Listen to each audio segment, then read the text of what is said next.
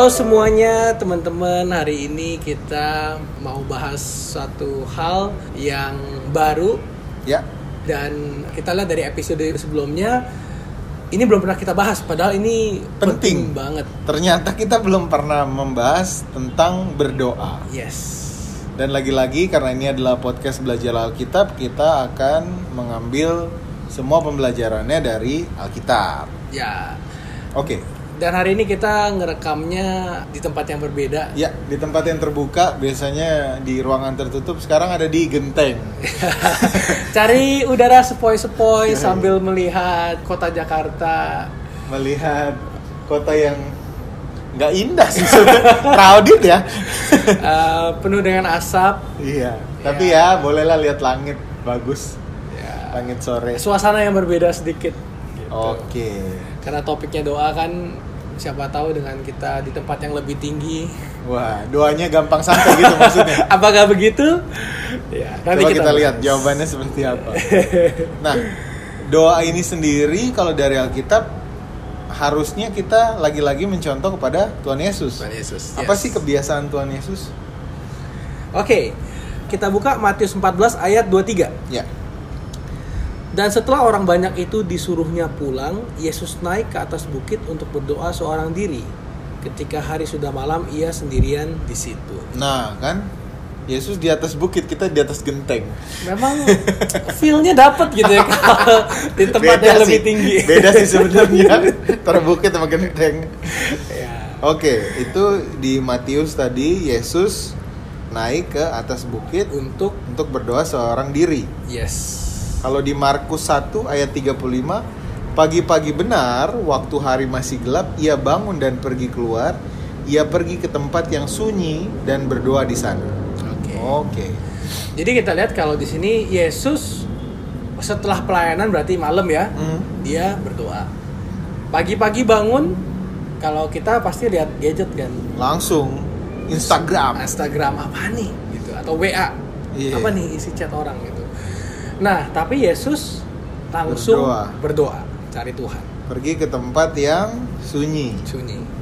Oke. Lalu di Lukas 5 ayat 16. Akan tetapi ia mengundurkan diri ke tempat-tempat yang sunyi dan berdoa. Kembali lagi dia selalu suka Tempat yang sunyi. yes. Di mana lagi nih, Pan? Lukas 6 ayat 12 Pada waktu itu pergilah Yesus ke bukit untuk berdoa Dan semalam-malaman ia berdoa kepada Allah Jadi memang kebiasaan Yesus itu berdoa dan berdoanya bukan sebentar, Semalam-malaman bisa semalam-malaman. Hmm. Oke. Nah sekarang kalau udah dapet contoh-contoh kebiasaannya Tuhan Yesus Gimana menurut Tuhan Yesus seharusnya kita berdoa dan kenapa sih? kenapa kita harus berdoa gitu? Kok kayaknya Yesus tiap hari doa aja, kayaknya dia bisa berpuasa tapi kalau doa nggak ada puasanya gitu. Oke Coba kita buka Matius 6 ayat 6. Tetapi jika engkau berdoa, masuklah ke dalam kamarmu, tutuplah pintu dan berdoalah kepada Bapamu yang ada di tempat tersembunyi. Maka Bapamu yang melihat yang tersembunyi akan membalasnya Kepada- kepadamu. Oke, jadi kalau kita berdoa itu cari tempat yang memang Private ya private. Kita sama Tuhan aja di situ. Oke. Nah, ini sebenarnya pelajaran apa yang Tuhan Yesus ajarkan mengenai doa dari beberapa cerita yang ada di Alkitab. Misalkan di Lukas 11 ayat 1, ayat 5 sampai 10. Oke. Ini nanti teman-teman bisa baca sendiri. Ini Lukas 11 ayat 1 terus ayat 5 sampai 10. Tapi kita akan baca di sini ayat 9 dan ayat 10. Oleh karena itu, aku berkata kepadamu, mintalah maka akan diberikan kepadamu. Carilah maka kamu akan mendapat. Ketoklah maka pintu akan dibukakan bagimu. Karena setiap orang yang meminta menerima dan setiap orang yang mencari mendapat dan setiap orang yang mengetok baginya pintu dibukakan. Oke, jadi kalau secara garis besar perumpamaan ini adalah tentang ada orang kedatangan tamu, terus Hmm. dia mau melayani kehabisan roti. Hmm. Akhirnya dia dia pergi ke rumah temen yang lain malam-malam Hmm. ngetok pintu cuma mau minta roti gitu. Oke. Dan akhirnya temen ini bilang, "Aduh, ini orang gua harus harusnya tidur males bukain tapi gara-gara lu tuh niat banget gitu loh Hmm, akhirnya tetap dibukain. tetap dibukain Oke. jadi sebenarnya doa ini kan kayak kita kita sama Tuhan itu ngobrol ya Hmm, ceritanya ya hmm. dan di sini kita bisa dapat satu gambaran kalau kita itu kekeh gitu sama Tuhan datang untuk mau ngobrol pasti Tuhan itu nggak bakal nggak ngeliatin kita gitu atau mungkin kita eh, misalnya ada temen gitu yang kerjaannya datang terus ke kita entah minta hal yang banyak kan mungkin negatif gitu kan Ah. Tapi kalau kita pun nggak mau inget di otak kita nggak bisa gitu Iya, pasti kita pasti inget dia. inget ah itu orang lagi Apalagi Tuhan gitu ya. apalagi Tuhan Kita minta doa setiap saat, setiap kita bahagia, setiap kita sedih, semua kebutuhan kita. Pokoknya di segala momen kalau kita berdoa pasti Tuhan mau denger gitu. yes Oke. Nah, ini ada satu perumpamaan lagi di Lukas 18 ayat 1 sampai 8. Ini kita eh, akan baca yang ayat 7 aja. Teman-teman boleh baca perikop keseluruhan dari perumpamaan itu atau cerita itu. Tapi kita baca ayat 7. Tidakkah Allah akan membenarkan orang-orang pilihannya yang siang malam berseru kepadanya? Dan adakah ia mengulur-ngulur waktu sebelum menolong mereka? Ya, kalau teman-teman nanti lihat garis besarnya ini ada seorang janda minta haknya kepada satu hakim. Kalau judulnya hakim itu bukan hakim yang bijaksana gitu ya. Tapi karena dia minta terus akhirnya gue kasih aja deh gitu. Oke. Tapi di sini dikatakan tidakkah Allah akan membenarkan orang-orang pilihannya yang siang malam berseru kepadanya. Orang yang nggak dikenal aja hakim kasih apalagi Allah dengan kita yang selalu berseru kepadanya. Kita itu umatnya dia loh Iya. dan berseru siang dan malam. Apalagi tadi hakimnya tuh hakim yang gak bener, tapi saking seringnya orang itu datang, akhirnya dia kasih gitu. Yes. Apalagi Tuhan yang benar, maha kuasa, maha kasih. Kalau kita datang terus siang dan malam berseru, nggak mungkin Tuhan ngulur-ngulur waktu untuk nolong kita. Ya. Oke. Nah, dari tadi kan kita bilang oh, berdoa terus menerus, tapi memangnya doa itu penuh kuasa nggak sih? Iya, kayak apa sih yang signifikannya dengan doa? Kenapa Hmm. sih sampai Yesus aja tiap hari gitu? Hmm. Terus kalau Alkitab ngomongnya selalu tentang doa tuh banyak banget dibahas gitu. Ah. Sampai murid-muridnya juga diajarin doa Bapa kami gitu kan. Ini Yes. loh caranya berdoa. Nah, kelihatannya nih ruangannya kok jadi kondusif, suaranya nggak ada noise, nggak ada suara angin, nggak ada suara Iya. jalanan. Dan apakah yang telah terjadi? Kita pindah ke ruangan seperti biasa, karena di atas ternyata noise-nya kurang kondusif ya. Kita lanjut ya. Oke. Jadi tadi kita udah bahas kan bahwa doa itu adalah satu hal yang selalu Yesus lakukan. Yes, Dan itu tuh penting banget gitu. benar. Nah berarti kalau itu penting buat Yesus itu pasti penting banget buat kita. Hmm. Nah yang kita mau share hari ini tuh lebih kepada bukan cuman checklist sih. Kalau misalnya kita pingin cuman pingin tahu gimana sih supaya doa gua terjawab, ya itu banyak banget kan ketik aja ke Google gitu loh. Oh, Keluar iya. tuh six ways. Ada ya? Ada seven ways how your prayer is to be answered pasti kayak gitu. Cuman yang kita mau bahas hari ini kita mau sama-sama belajar gimana sih cara mengerti lebih dalam lagi prinsip-prinsip dalam doa. Oke. Eh, mungkin ada pertanyaan nih yang orang suka tanya kalau ngomongin masalah doa, Benar. yaitu gimana sih caranya berdoa gitu kan? Gimana caranya berdoa? Ujung-ujungnya gimana caranya supaya doa gue bisa dijawab sama Tuhan? Oke. Itu yang orang mau. Nah, tapi sekarang kita mau balik nanya nih ke teman-teman. Kenapa sih teman-teman pada mau doanya dijawab sama Tuhan? Ya karena kita pengen, kita doain makanya. Ya karena gue mau, gue pikir itu adalah yang terbaik buat gue.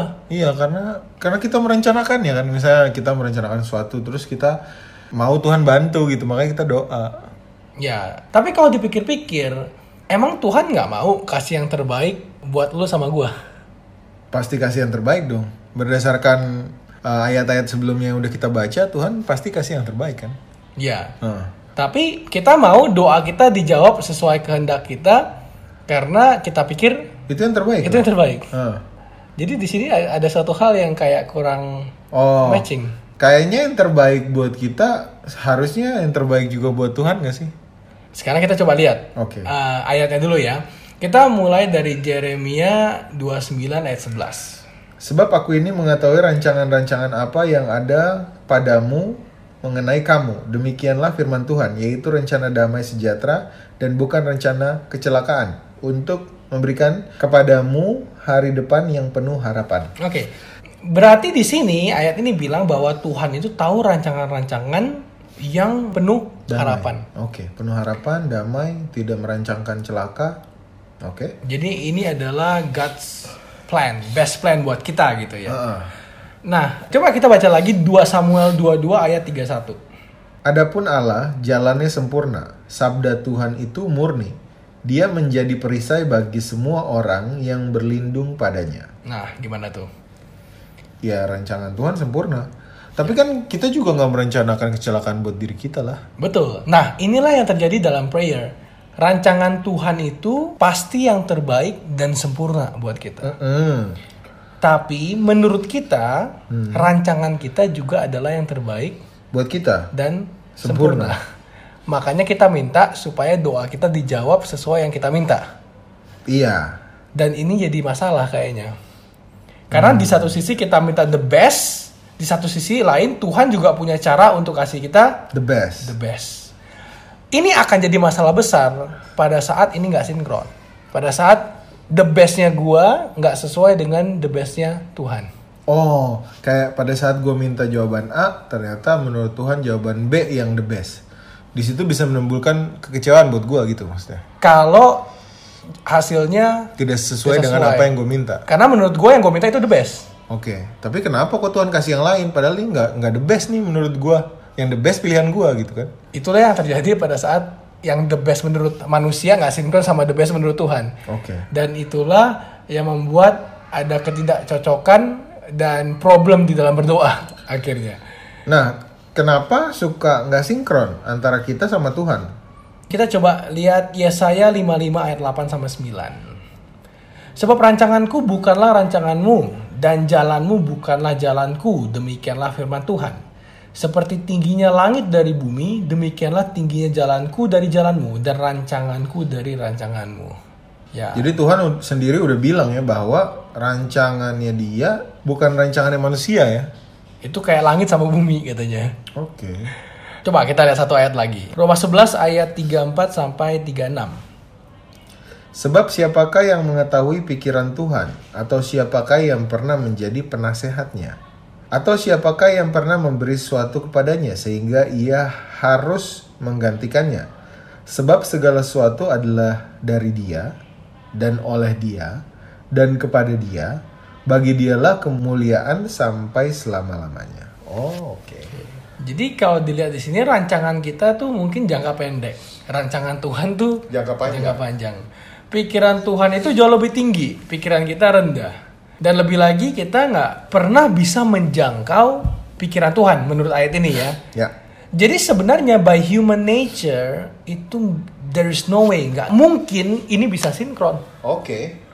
Jadi artinya cuma ada sedikit chance bahwa doa kita sebenarnya bakal dijawab sesuai dengan yang kita doakan. Terus gimana dong solusinya apa? Apa nggak usah berdoa? Jangan Biar dong. Tuhan aja tentuin masa depan kita. Gimana sih? Harusnya- Soalnya kan kayaknya kalau kita berdoa tuh ya kita pasti meminta sesuatu dong dan sesuatu itu adalah keinginan kita gitu. Tapi kalau keinginan kita terus nggak sinkron, akhirnya kita bisa terus kecewa nggak sih? Ya. Apa solusinya gitu? secara manusia pasti mikirnya gitu. Kalau gitu mendingan gak usah berdoa. Iya dong, karena Maaf ya. karena ini little chance kalau yang gue minta pasti nggak kejawab. Tapi kita lihat lagi ke Yesus. Hmm. Kalau Yesus sampai mau berdoa setiap hari pagi, siang, malam, Oke. artinya Yesus sinkron tuh sama Tuhan. Oh. Dia pada saat jadi manusia, dia tetap sinkron sama berarti ada solusi terhadap satu problema ini gitu loh. Itu kenapa dia terus berdoa karena apa yang didoakan dia adalah apa juga yang direncanakan Tuhan gitu maksudnya. Dan ini yang kita pingin tahu dan akan belajar lagi juga dari Yesus. Nah, pada saat kita bicara solusi, apakah akan ada solusi? Jawabannya pasti ada. Coba kita lihat beberapa referensi dari Alkitab. Efesus 5 ayat 15 sampai 17. Karena itu perhatikanlah dengan seksama bagaimana kamu hidup. Janganlah seperti orang bebal, tetapi seperti orang arif. Dan pergunakanlah waktu yang ada karena hari-hari ini adalah jahat. Sebab itu, janganlah kamu bodoh, tetapi usahakanlah supaya kamu mengerti kehendak Tuhan. Nah, di sini Rasul Paulus malah ngajak kita, kita harus berusaha untuk tahu kehendak Tuhan tuh kayak gimana. Berarti coba supaya bisa sinkron ya harus ngerti kan. Kita harus berusaha bisa tahu rencana Tuhan buat kita tuh yang terbaik seperti apa. Dan bukan cuma tahu, tapi dibilang supaya kamu mengerti. Mengerti kehendak Tuhan. Yes. Oke. Nah, coba kita lihat lagi beberapa ayat lain. Kita lihat Roma 12 ayat 2. Janganlah kamu menjadi serupa dengan dunia ini, tetapi berubahlah oleh pembaruan budimu, sehingga kamu dapat membedakan manakah kehendak Allah, apa yang baik, yang berkenan kepada Allah, dan yang sempurna. Di sini juga Paulus ngajakin kita untuk berubah, supaya kita bisa bedain yang mana kehendak Allah, yang mana yang bukan. Dan janganlah serupa dengan dunia itu artinya kalau permintaan kita, doa kita masih ke duniawi duniawian itu artinya mungkin tidak sesuai dengan kehendak Tuhan. Ya. Coba kita lihat Kolose 1 ayat 9 sampai 10. Sebab itu waktu kami mendengarkannya, kami tiada berhenti-henti berdoa untuk kamu. Kami meminta supaya kamu menerima segala hikmat dan pengertian yang benar untuk mengetahui kehendak Tuhan dengan sempurna. Sehingga hidupmu layak di hadapannya serta berkenan kepadanya dalam segala hal dan kamu memberi buah dalam segala pekerjaan yang baik dan bertumbuh dalam pengetahuan yang benar tentang Allah. Hmm. Jadi di sini para rasul itu selalu berdoa untuk orang-orang umat-umat percaya supaya mereka apa? mendapat pengertian yang benar untuk tahu kehendak Tuhan dengan sempurna. Hmm. Dan dari situ maka mereka akan berbuah dalam setiap pekerjaan mereka. Oke. Nah, dan ayat yang terakhir ini 1 Yohanes 5 ayat 14. Dan inilah keberanian percaya kita kepadanya, yaitu bahwa ia mengabulkan doa kita jikalau kita meminta sesuatu kepadanya menurut kehendaknya. Ini adalah keberanian percaya kita. Berarti dengan kata lain ayat ini ngomongin kalau mau doa kita dijawab 100%, Hmm. kita harus minta hal itu sesuai dengan kehendak Tuhan. Oke. Jadi dari beberapa ayat yang tadi kita lihat, kita bisa mengerti bahwa tujuan Yesus berkomunikasi kepada Allah, berdoa kepada Allah setiap hari bukan hanya untuk meminta hal-hal yang Yesus inginkan, Hmm. tapi di dalam doa Yesus, Yesus itu berdoa supaya tiap hari Tuhan akan menambahkan hikmatnya untuk mengerti rencana dan kehendak Tuhan. Oke. Dan makin dia tahu kehendak Tuhan, makin dia pingin tahu lagi, pingin tahu lagi, akhirnya dia nggak bisa lepas dari doa. Hmm. Nah, kalau begitu perubahan itu dari siapa? Dari kita kah? Dari Tuhan. Masa Tuhan ngikutin kita kan nggak mungkin. Kayaknya sih harusnya dari kita ya. Kalau lihat ayat-ayat tadi sih ngomongnya kitanya yang berubah, karena kita disuruh berusaha untuk mengetahui kehendak Allah kan. Oke, kita coba lihat di Maleakhi 3 ayat 6. Oke. Bahwasanya aku Tuhan tidak berubah dan kamu Bani Yakub tidak akan lenyap. Jadi Tuhan, Tuhan, tidak akan berubah. Tetap sama, rancangannya juga tetap sama terhadap kita. Jadi kita yang harus menyesuaikan diri, menyesuaikan pengetahuan kita, hikmat kita, pengertian kita terhadap Tuhan supaya keinginan kita dengan kehendak Tuhan bisa sama. yes, dan gua rasa ini adalah satu prinsip penting dalam berdoa bahwa berdoa itu tidak akan merubah Tuhan karena Tuhan itu udah sempurna, udah pasti rencananya the best. Tapi doa itu sebenarnya merubah kita dan Oh. merubah attitude, merubah sikap kita. Oke. Berdoa tidak akan merubah Tuhan. Jadi sejungkir baliknya elu kalau itu doa gak sesuai dengan kehendak Tuhan, jawaban doanya nggak akan berubah. Misalkan nih, gue merasa gue harus berjodoh sama si A. Ya. Gue doain, gue doain. Menurut Tuhan dan jawaban doanya adalah gue nggak berjodoh sama si A. Tapi gue tetap pengen mengusahakan bahwa gue berdoa lagi untuk tetap berjodoh sama si A. Ya. Tapi ternyata jawabannya tidak berubah karena Tuhan tidak berubah. Mungkin ada temen yang akan ngomong, enggak kok, Tuhan bisa aja berubah. Contohnya gue doain terus menerus, setelah sekian tahun Tuhan jawab doa gue sesuai yang gue minta. Hmm. Tapi gue akan ngelihatnya dengan kayak gini. Tuhan itu lebih panjang ngelihatnya dari kita. Dan kita itu banyak faktor-faktor yang sebenarnya mempengaruhi hidup kita. Ah, Hal yang terbaik di hari ini belum tentu terbaik Masa di depan. Masa depan. Oke. Hal yang tidak baik hari ini belum tentu tidak baik Masa depan. di masa depan. Jadi gue yakin Tuhan itu akan selalu memberikan yang terbaik di saat Yang tepat. yang tepat. Ah. Jadi kalau mungkin orang bilang enggak kok Tuhan itu berubah kok dia dengan gue berdoa terus Tuhan akhirnya berubah. Iya, tapi lu dapat jawaban doa itu kapan? Ya.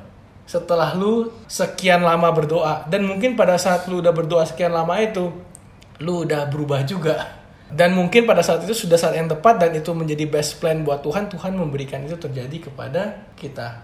Atau gini, mungkin karena pada saat lu doa benar jawabannya itu. Tapi menurut Tuhan belum saatnya. Ya, Dikasihnya sekarang enggak. Karena kalau dikasih sekarang lu jadi berantakan. ya, Jadi Tuhan pengen lu tetap beriman, tetap berdoa, terusin doa lu sampai akhirnya dikasih di waktu yang tepat. Itu yang membuat lu makin percaya tuh sama Tuhan. Karena ada progres, yes. Dan ada pertumbuhan kan. tanpa terasa setelah misalnya setahun berdoa kita jadi makin setia sama Tuhan makin bergantung sama Tuhan kita mungkin nganggapnya Tuhannya berubah padahal kitanya udah berubah tuh Hmm. udah nggak egois udah nggak apa kadang-kadang bisa aja yang kita doakan tuh bagus cuman bukan sekarang Iya bener. Karena kalau langsung dikasih, belum tentu itu membuat lu jadi lebih bagus. Pada saat ini Pada saat itu, pada saat nggak dikasih itu, yes bisa aja bikin pas dikasih bikin lu jadi sombong, jadi sotoy, jadi nggak memuliakan Tuhan.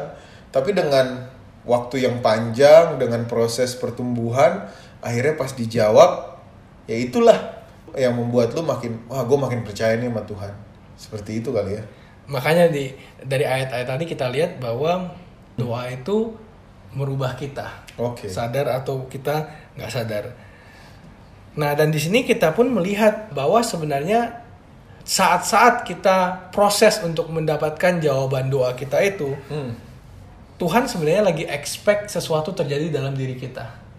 Oh. Nah jadi apa sih kira-kira yang Tuhan itu mau lihat dari diri kita dengan kita berdoa kepada Dia?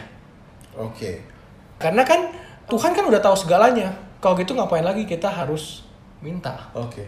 Ya kan? Tapi apa sih yang Tuhan mau? Terjadi sama kita. Ya, oke. Coba kita lihat 1 Petrus 5 ayat 7. Serahkanlah segala kuatirmu kepadanya, sebab ia yang memelihara kamu. Nah, jadi di sini dalam doa Tuhan itu pingin ngeliat bahwa kita itu menyerahkan kekhawatiran kita sama Dia. Menyerahkan segala sesuatunya kepada Tuhan. Ya, Jawabannya mau A, mau B, mau C, saya nggak khawatir Tuhan. Tuhan kasih aja jawabannya. dan kata serahkan ini adalah kita benar-benar lempar, kita benar-benar kasih semuanya. Mengikhlaskan. Yes, kalau udah dikasih ya udah itu udah tergantung kepada tangan yang telah menerima yang udah kita kasih itu. Dan dia akan memberi apa terserah tangan itu juga. Yes. Dan kita attitude-nya harus menerima setiap pemberian dari tangan itu dengan sukacita. Ya, kita ini peliharaannya Tuhan. Tuhan memelihara kita. Hmm. Dan kita memberikan otoritas dia sebagai pemelihara kita. Karena pemelihara kita ini tahu yang terbaik buat kita. Yes. Oke. Oke. Nah, ada satu ayat lagi Amsal 3 ayat 5 sampai 6. Percayalah kepada Tuhan dengan segenap hatimu dan janganlah bersandar kepada pengertianmu sendiri. Akuilah dia dalam segala lakumu, maka ia akan meluruskan jalanmu. Oke. Di sini dikatakan percayalah, tapi kalau bahasa Inggrisnya tuh trust. trust in the Lord with all your heart. Jadi kalau trust itu benar-benar percaya yang disertai perbuatan, benar-benar kita ngasih semuanya sama Tuhan. Kenapa sih Tuhan itu pingin banget kita sampai menyerahkan semuanya kepada Dia? Karena dengan kita menyerahkan itu menandakan kita itu perlu Tuhan. Ah. Kita itu bukan ngandelin diri kita sendiri. kita mengakui ada kuasa yang lebih besar daripada kita yang bisa mengatur hidup kita, memberikan yang terbaik buat kita. Ya. Oke. Dan itu akan menjadi tanda bahwa kita mengakui bahwa Tuhan itu adalah pemelihara kita. Tuhan itu mempunyai otoritas atas kita. Makanya kita ikut, kita berserah sama apa pun yang dia akan rencanakan buat kita. Oke. Nah mungkin kita pingin lihat Contoh contoh. Nah ini penting banget. Apa sih contoh-contoh di Alkitab ya. ya untuk benar-benar berserah. Ada di Matius 26 ayat 39. Ya. Maka ia maju sedikit, lalu sujud dan berdoa. Katanya, Ya Bapakku, jikalau sekiranya mungkin, biarlah cawan ini berlalu daripadaku. Tetapi, janganlah seperti yang ku kehendaki, melainkan seperti yang kau kehendaki. Nah ini adalah kata-kata siapa? Tuhan Yesus. Tuhan Yesus sebelum dia akan ditangkap. Ya, Itu bebannya berat banget. Yesus juga punya permintaan. ya. Sekiranya mungkin Tuhan, saya nggak usah lah mati. Saya nggak usah ditangkap, disiksa, dan mati Ya, salib. cawan ini lewat aja deh. Tapi Yesus bilang apa? Jangan seperti yang ku kehendaki, melainkan seperti yang kau kehendaki. Jadi di sini kita bisa lihat bahwa pada saat Yesus berdoa, walaupun tiap hari Yesus berdoa komunikasi sama Bapa, bahkan sampai detik-detik terakhir pun Yesus juga masih Meminta. punya permintaan Ya. gitu. Dan permintaan dia ini bukan permintaan yang salah. Hmm. Ini juga permintaan yang tidak melawan perintah Allah, Hmm. tidak membuat dia berdosa. Tapi yang Yesus katakan, Tuhan, secara manusia aku maunya ini. Ya, Tapi kehendakmu lah yang jadi jadi dan aku akan terima. menerima. Karena kadang ada orang atau kita lah, kita berdoa memang gitu gitu. Doa belakangnya kehendakmu lah yang jadi. Pas kehendak Tuhan yang jadi, kita bete. Ngomel. Iya. Jadi akhirnya doa itu cuma sebatas ucapan gitu, tidak benar-benar menyerahkan sepenuhnya jawabannya Atau hasilnya kepada Tuhan. kepada Tuhan. Oke. Nah, ada satu lagi orang yang terkenal di Alkitab. Nah, ini di Ibrani 11 ayat 8. Dibilang karena iman Abraham taat ketika ia dipanggil untuk berangkat ke negeri yang akan diterimanya menjadi milik pusakanya. Lalu ia berangkat dengan tidak mengetahui tempat yang ia tujui. Kita tahu cerita Abraham ini kan yang paling favorit tuh waktu dia mau memberikan Ishak sebagai korban. Ya. Dulu dia di Urkasdim kan, Hmm. dia keluar. Dia Ibarat- nggak tahu harus ke mana. Ibaratnya dia udah punya tanah nih di Urkasdim, udah punya rumah, punya tanah. Tapi dia disuruh keluar dari tempat itu, lu pergi deh, nanti gua kasih tanah. Tapi belum tahu di mana. Ya, Pergi-pergi aja gitu. pokoknya kamu bukan ini, ini bukan tanah perjanjian. Hmm. Ini gua kasih yang lebih bagus di sana ya. Pergi Pokoknya dah. kamu jalan aja, ikutin aja nanti step by step Tuhan akan reveal. Ini yang dibilang berserah, dia ikutin aja walaupun dia nggak tahu tujuannya ke mana. Itu dikatakan iman. Itu dikatakan ya berserah tuh kayak gitu, ikutin aja Tuhan suruhnya apa. Jadi kita lihat di sini bukan kehendak kita, tapi kehendak Tuhan. Dengan kata lain sebenarnya adalah penurutan. Hmm. Jadi doa itu sebenarnya salah satu cara untuk ngajarin kita buat menurut. Oke. Oke. Ini sekarang kita merasa bahwa berdoa sudah berserah. Meminta kehendak Tuhanlah yang jadi. Tapi kadang kayaknya tuh doa kita nggak kunjung dijawab. Nggak ada jawabannya gitu. Nggak A, nggak B. Nggak yang kita mau, nggak yang Tuhan mau. Ya. Lama gitu. Kayak terhalang sesuatu gitu. Nyangkut di pohon atau di mana gitu. Apa sih yang membuat doa kita tuh terhalang gitu? Permintaan seperti apa? Atau doa kita yang salah kah? Atau gimana? Oke, kita lihat lagi dari Alkitab karena memang Alkitab ada ngomongin hal-hal yang akan membuat doa itu terhalang gitu. Oke. Yakobus 1 ayat 6 sampai 7. Hendaklah ia memintanya dalam iman dan sama sekali jangan bimbang.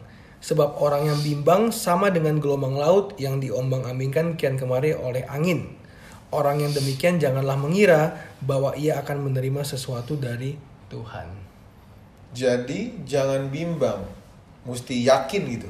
Bukan cuman yakin sama outcome doanya itu yang terbaik, tapi sebenarnya lebih harus yakin bahwa Tuhan itu punya rencana yang Terbaik. terbaik. Oke. Jadi berserah dengan yakin bahwa rencana dan jawaban Tuhan itu adalah yang terbaik. Yes. Pernah gak sih teman-teman ngerasa kayak waktu kita kecil, kita tuh paling tahu lah orang tua kita itu sukanya apa dan gak sukanya apa. Hmm. Lalu kita mencoba untuk nanya, minta sesuatu sama mereka yang kita tahu mereka itu pasti nggak setuju sama itu. Mereka akan menolak. Mereka akan menolak. Jadi pada saat kita minta hal itu, apa perasaan kita? Pasti agak ragu-ragu kan, takut-takut. Bimbang. Karena gue nggak yakin ini, ini, ini. Tuhan mau gak ya kayak gini gitu? Padahal kita tahu kalau kita lihat Alkitab, aduh ini sebenarnya sih Gak sesuai nggak nih. sesuai nih. Makanya itu membuat kita ragu-ragu sebenarnya. Yes. Karena kita masih mencoba untuk memaksakan kehendak duniawi kita untuk disetujui sama Tuhan tadi ya. Iya. Oke. Padahal kalau misalnya doa kita adalah kehendak mulai jadi dan benar-benar itu kayak kita bilang Tuhan aku mau ini, tapi aku rela kalau misalnya yang aku minta ini bukanlah kehendakmu dan aku yakin engkau akan berikan yang terbaik. Dan apa pun outcome-nya Terima. kita kita terima dan itu kita juga aminkan sebagai jawaban doa kita. Hmm. Oke. Kita lihat lagi di Yakobus 4 ayat 3. Atau kamu berdoa juga tetapi kamu tidak menerima apa-apa karena kamu salah berdoa sebab yang kamu minta itu hendak kamu habiskan untuk memuaskan hawa nafsumu. Oh, oke. Ini sering banget sih maksudnya apa pun lah mau minta cari kerjaan, mau minta cari jodoh, Hmm. mau minta rezeki, Itu untuk kepuasan kita. Untuk hawa nafsu kita. Tuhan kenapa sih aku nggak bisa deket sama si ini aku udah coba deketin padahal ini orangnya tuh aku senang banget loh Tuhan Tuhan kenapa aku nggak dapet rezeki lebih banyak daripada si A? Padahal kan aku mau pakai buat ini itu ini itu, gitu kali ya. Ya dan Tujuannya bukan untuk kemuliaan Tuhan gitu. aku kan ujung-ujungnya kan Tujuannya buat kita. Tuhan aku mau beli sepatu Supreme. bahkan dalam keadaan ada yang sakit pun dalam keluarga kita kadang-kadang egoisme itu bisa muncul Contohnya, Contohnya, gue deket banget sama oma gue. Jadi dari kecil itu, dari mulai gue bayi, dia yang merawat. merawat sampai gue ke sekolah, dia yang tungguin. Jadi itu udah kayak my best friend gitu ya. Oke. Dan setelah gue menikah, pas gue balik dari bulan madu, oma gue tiba-tiba jatuh sakit. Dia sakitnya memang udah setahun terakhir gitu. Tapi tiba-tiba drop, langsung dia kritis gitu. Dua minggu setelah gue pulang bulan madu. Dan doa gue Tuhan tolong sembuhkan gue. Itu doa yang wajar. Semua orang akan berdoa seperti itu kalau ada yang sakit di keluarga. Tetapi dan dia koma nggak ngerti apa-apa lagi gitu.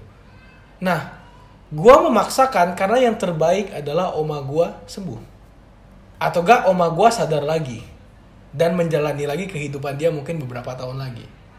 Itu menurut kehendak gua. Makanya gua berdoa Tuhan ini harus sembuh segala macam. Jadi setelah itu akhirnya eh, karena dia koma kita memanggil pendeta ada diminyaki besoknya langsung oma meninggal berpulang. Ya. Dan pada saat meninggal itu perasaan macam-macam. Di satu sisi Tuhan kan kita udah berdoa. Kenapa Tuhan gak jawab doa kita? Hmm.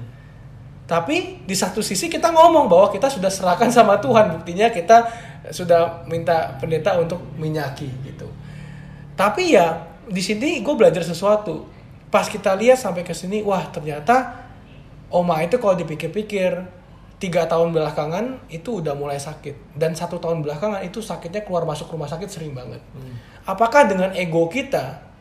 Padahal dengan gue udah berkeluarga sekarang gue harus fokus juga ke istri gue dan yang lain. Dan lu sebenarnya udah udah nggak butuh ditemani oma lagi kan Yes, dan oma gue juga udah mulai pikun. Dia juga sakit-sakitan, capek keluar masuk rumah sakit. Dia sempat ngomong berapa kali dia tuh udah capek sebenarnya. Nah, di sini kita lihat bahwa pasti itu adalah yang terbaik. Walaupun kita sedih loh di situ. Perpisahan siapa yang nggak sedih. Tapi bayangin kalau dia harus menjalani kehidupan sekian tahun lagi dengan sakitnya mungkin lebih parah. Dia mungkin nggak ingat siapa-siapa lagi dan sebagainya. Jadi em, di situ gue belajar bahwa pada saat kita menyerahkan kita benar-benar harus buang egonya kita. Oke. Dari cerita tadi kita akan nambah satu lagi. Apa sih yang menghalangi doa kita nih sebenarnya?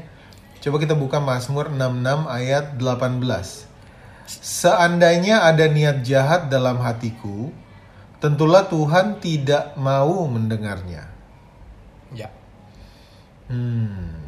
Doa tapi sebenarnya di balik itu ada niat tersembunyi yang mau sombong, mau pamer yang sebenarnya bukan yang kita butuhkan gitu.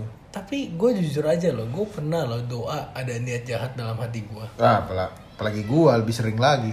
Terus sekarang gue juga kesel kalau gue lagi dijahatin orang atau gak semestinya orang itu bereaksi sama gue kayak gimana. Hah? Dan akhirnya doa gue adalah Tuhan, pembalasan adalah hakmu. Kiranya engkau yang membalaskan. Kata-kata gue mungkin ngekut Alkitab Alkitab. gitu. Tapi hati gue minta Tuhan ngebalesin itu ke dia. Udah Tuhan burulah gitu. Iya. Ngomongnya seolah-olah kita tuh rohani. Biarlah Tuhan yang membalas. Tapi kita minta Tuhan balas dia cepet-cepet. Tuhan punish right now. Gue pengen lihat dia menderita gitu kan Dan maksud. kalau Tuhan gak panis dia, ayo. Gimana? Gue kesel, gue marah. Malah malah kelihatannya Tuhan memberkati dia.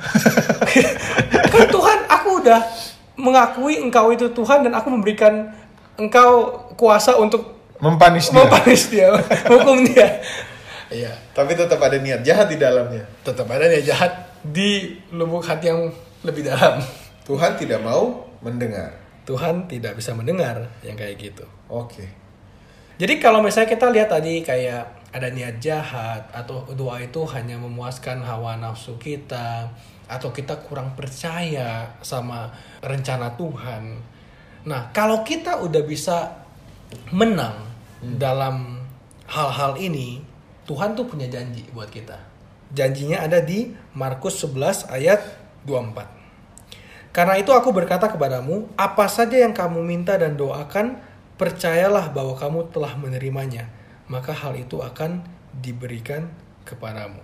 Tapi syarat-syaratnya adalah percaya, yakin, tidak ada keraguan, tapi juga berserah, Ya.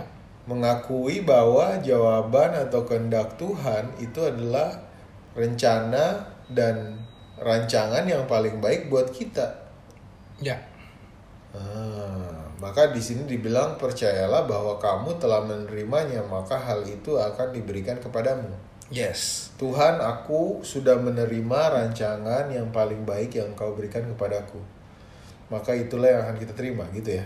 Dan kalau kita terima itu walaupun berbeda dari yang kita mau pertama, kita karena kita sudah mengusahakan untuk mengerti kehendak Tuhan Yes. dan kita akan mengaminkan terima kasih Tuhan memang ini yang lebih baik dan ini yang Mantap. terbaik.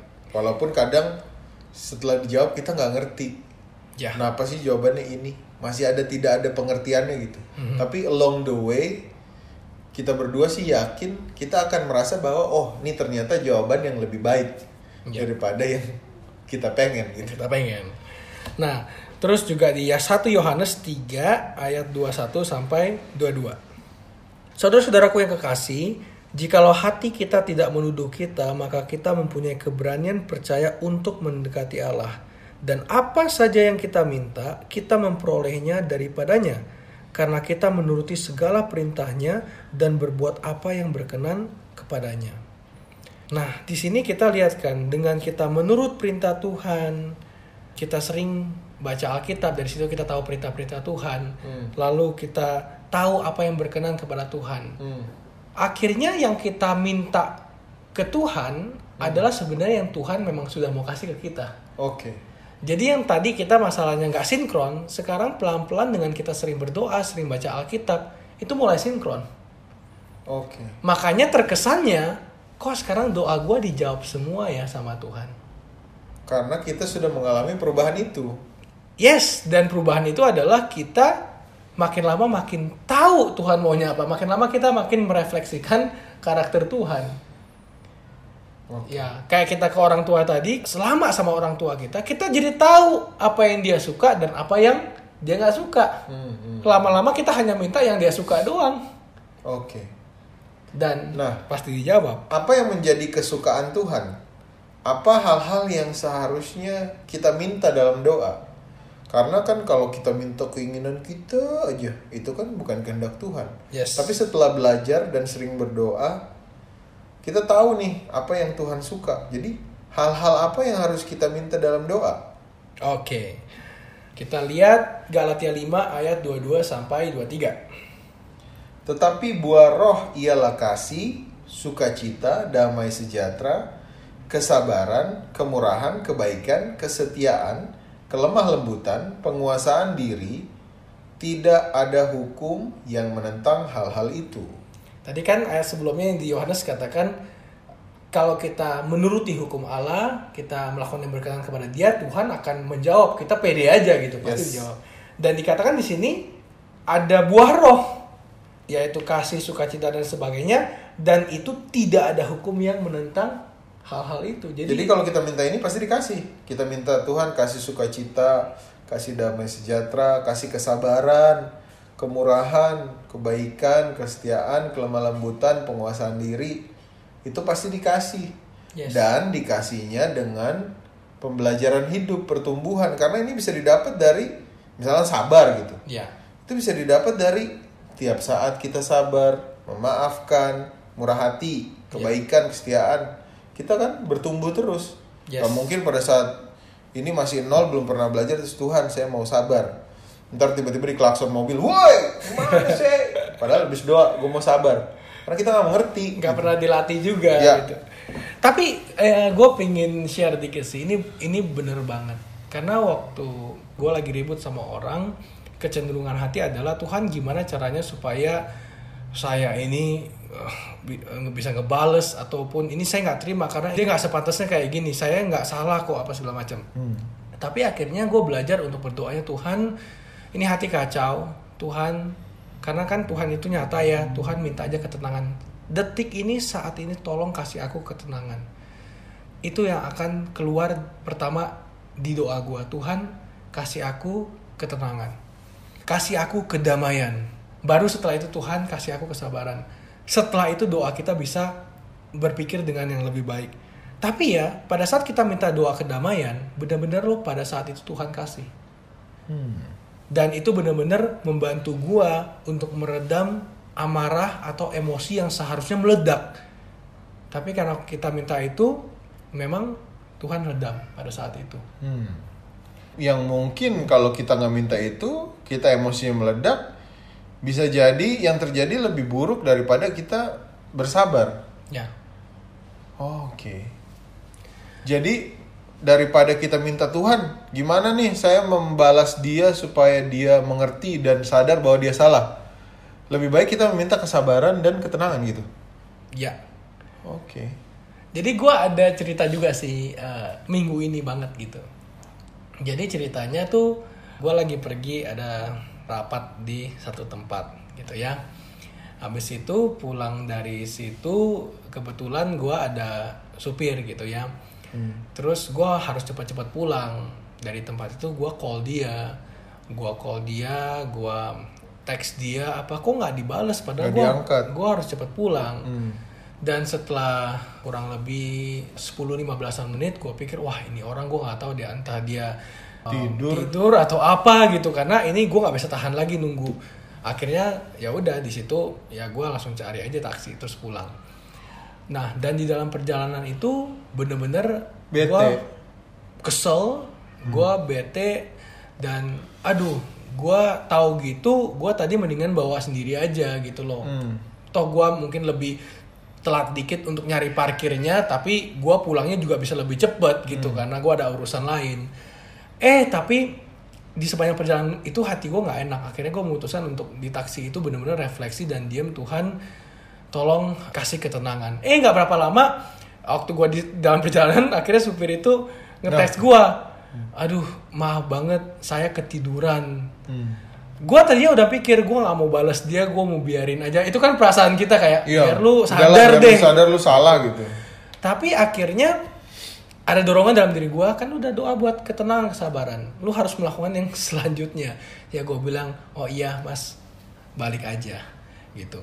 Dan pada saat gue sampai rumah, gue udah ngelakukan kerjaan gue yang lain dan di tengah-tengah gue lagi ngelakukan kerjaan yang lain itu dia datang dan begitu dia datang gue kaget. Gue nggak gue udah lupa sama kejadian tadi gitu.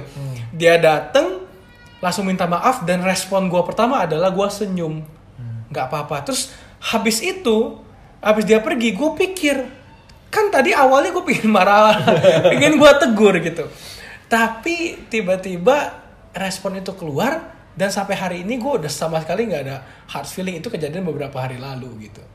Dan gue pikir not a big deal at all. Tapi kalau gue ikutin emosi pada waktu itu dan nggak berdoa mungkin hasilnya akan lain. Dan gue akan melihat diri gue sebagai orang yang sangat egois masa orang yang sangat gak sabar hanya hal kecil harus gue gedein ya itu sih salah satu yang gue lihat kalau kita minta buah roh Tuhan pasti nggak nolak buat ngasih saat itu juga Oke. Lanjut. ya Efesus 6 ayat 19. Ini juga yang harus kita minta dalam doa kita nih. Juga untuk aku supaya kepadaku jika aku membuka mulutku dikaruniakan perkataan yang benar agar dengan keberanian aku memberitakan rahasia Injil. nah kalau kita minta dalam doa untuk bersaksi pasti Tuhan juga langsung jawab Oke. Tuhan akan beri perkataan-perkataan yang bukan cuma benar, baik, menginspirasi, ya nggak sih? Karena kadang ada orang yang ngomong, duh, gue males denger dia ngomong omongannya bohong mulu atau omongannya kasar mulu. Tapi ada orang yang ngomong tenang gitu, enak dengernya. Ya, ya, ya, ya. Dan kita lihat lagi dalam dua hal ini tadi kan masalah buah roh, di sini juga masalah bersaksi. Itu nggak ada sama sekali yang mengenai diri kita. Hmm. Oke. Coba kita lihat lagi Matius 9 ayat 37 sampai 38. Maka katanya kepada murid-muridnya, tuayan memang banyak, tetapi pekerja sedikit. Karena itu mintalah kepada Tuhan yang mempunyai tuayan supaya ia mengirimkan pekerja-pekerja untuk tuayan itu. Ini dalam melayani Tuhan. Hmm. Pada saat kita berdoa, minta Tuhan berikanlah kita bantuan. Teman-teman yang lain juga yang mau melayani. Malah Tuhan akan kirim katanya. Teman-teman yang bantu kita. Dan pastinya masih banyak lagi sih ayat-ayat yang lain yang mungkin kita nggak sempat bahas pada hari ini. Tapi yang pasti pada saat kita meminta sesuatu yang bukan untuk diri kita, tapi untuk kemajuan kemuliaan nama Tuhan, Hmm. maka Tuhan tidak akan lama untuk menjawabnya. Oke. Oke, baiklah. Ya. Itulah soal doa ya. Yes. Jadi seharusnya gimana berdoa, terus kenapa doa kita suka nggak dijawab? Ya karena mungkin selama ini kita belum sinkron, sinyalnya belum pas. Yang Tuhan berkenan sama yang berkenan sama kita belum satu frekuensi. Benar. Jadi caranya satu frekuensi adalah dengan banyak baca Alkitab, Yes. mendengarkan firman, lal- lalu berdoa ya. Dan kita harus ingat frekuensi Tuhan itu udah benar. Tuhan itu sempurna. Dan, Dan- kita harus menyesuaikan kepada frekuensi Tuhan. Kita yang berubah, bukan Tuhan yang berubah. Bukan Tuhan yang berubah. Tuhan akan kasih jawaban doa yang terbaik pada waktu yang paling tepat. Yes. Wow. Oke teman-teman, Ya. demikianlah episode minggu ini. Terima kasih banyak sudah terus mendengarkan podcast belajar Alkitab. Semoga kita terus bertumbuh. Gue sama William juga terus belajar dari apa yang kita eh, pelajari sama-sama di podcast belajar Alkitab ini. Yes. Jadi ini dampaknya positif buat kita. Semoga dampaknya juga positif buat teman-teman. Kalau teman-teman mau share podcast ini ke orang lain supaya bisa menjadi berkat buat orang lain, Podcast ini bisa didengar di Spotify atau juga di Anchor. Ya. Jadi teman-teman share aja di sosial media atau share di grup WhatsApp tuh gampang banget tinggal copy linknya. Ya. Kalau mau bertanya gimana? Ya, bisa email kita di belajar Alkitab podcast at gmail.com. Oke. Yeay. Kita tutup dengan doa. Yes. Tuhan Bapa kami yang ada di surga, terima kasih untuk pelajaran hari ini Tuhan. Kami tahu bahwa kami senantiasa harus berubah makin hari makin ke arah yang mendekati Engkau ya Tuhan supaya apa pun yang kami doakan maka kami sudah mengenali kehendakmu ya Tuhan dan kami akan meminta hal-hal yang sesuai dengan kehendakmu. Kami tahu Tuhan bahwa kami ini orang yang berdosa, bahwa kecenderungan kami adalah meminta hal-hal yang memuaskan keinginan kami sendiri. Tapi Tuhan, kiranya Tuhan bekerja di dalam hati kami, di dalam diri kami, sehingga kami akan bisa berubah makin hari makin mengerti Engkau, berubah ke arah Engkau, dan kami akan dipakai Engkau untuk melayani Engkau di mana kami berada. Ya Tuhan, kiranya bersama dengan kami, dengan teman-teman semua yang mendengarkan podcast ini, supaya kami akan bisa bertumbuh bersama-sama. Terima kasih Tuhan, di dalam nama Yesus kami telah berdoa. Amin.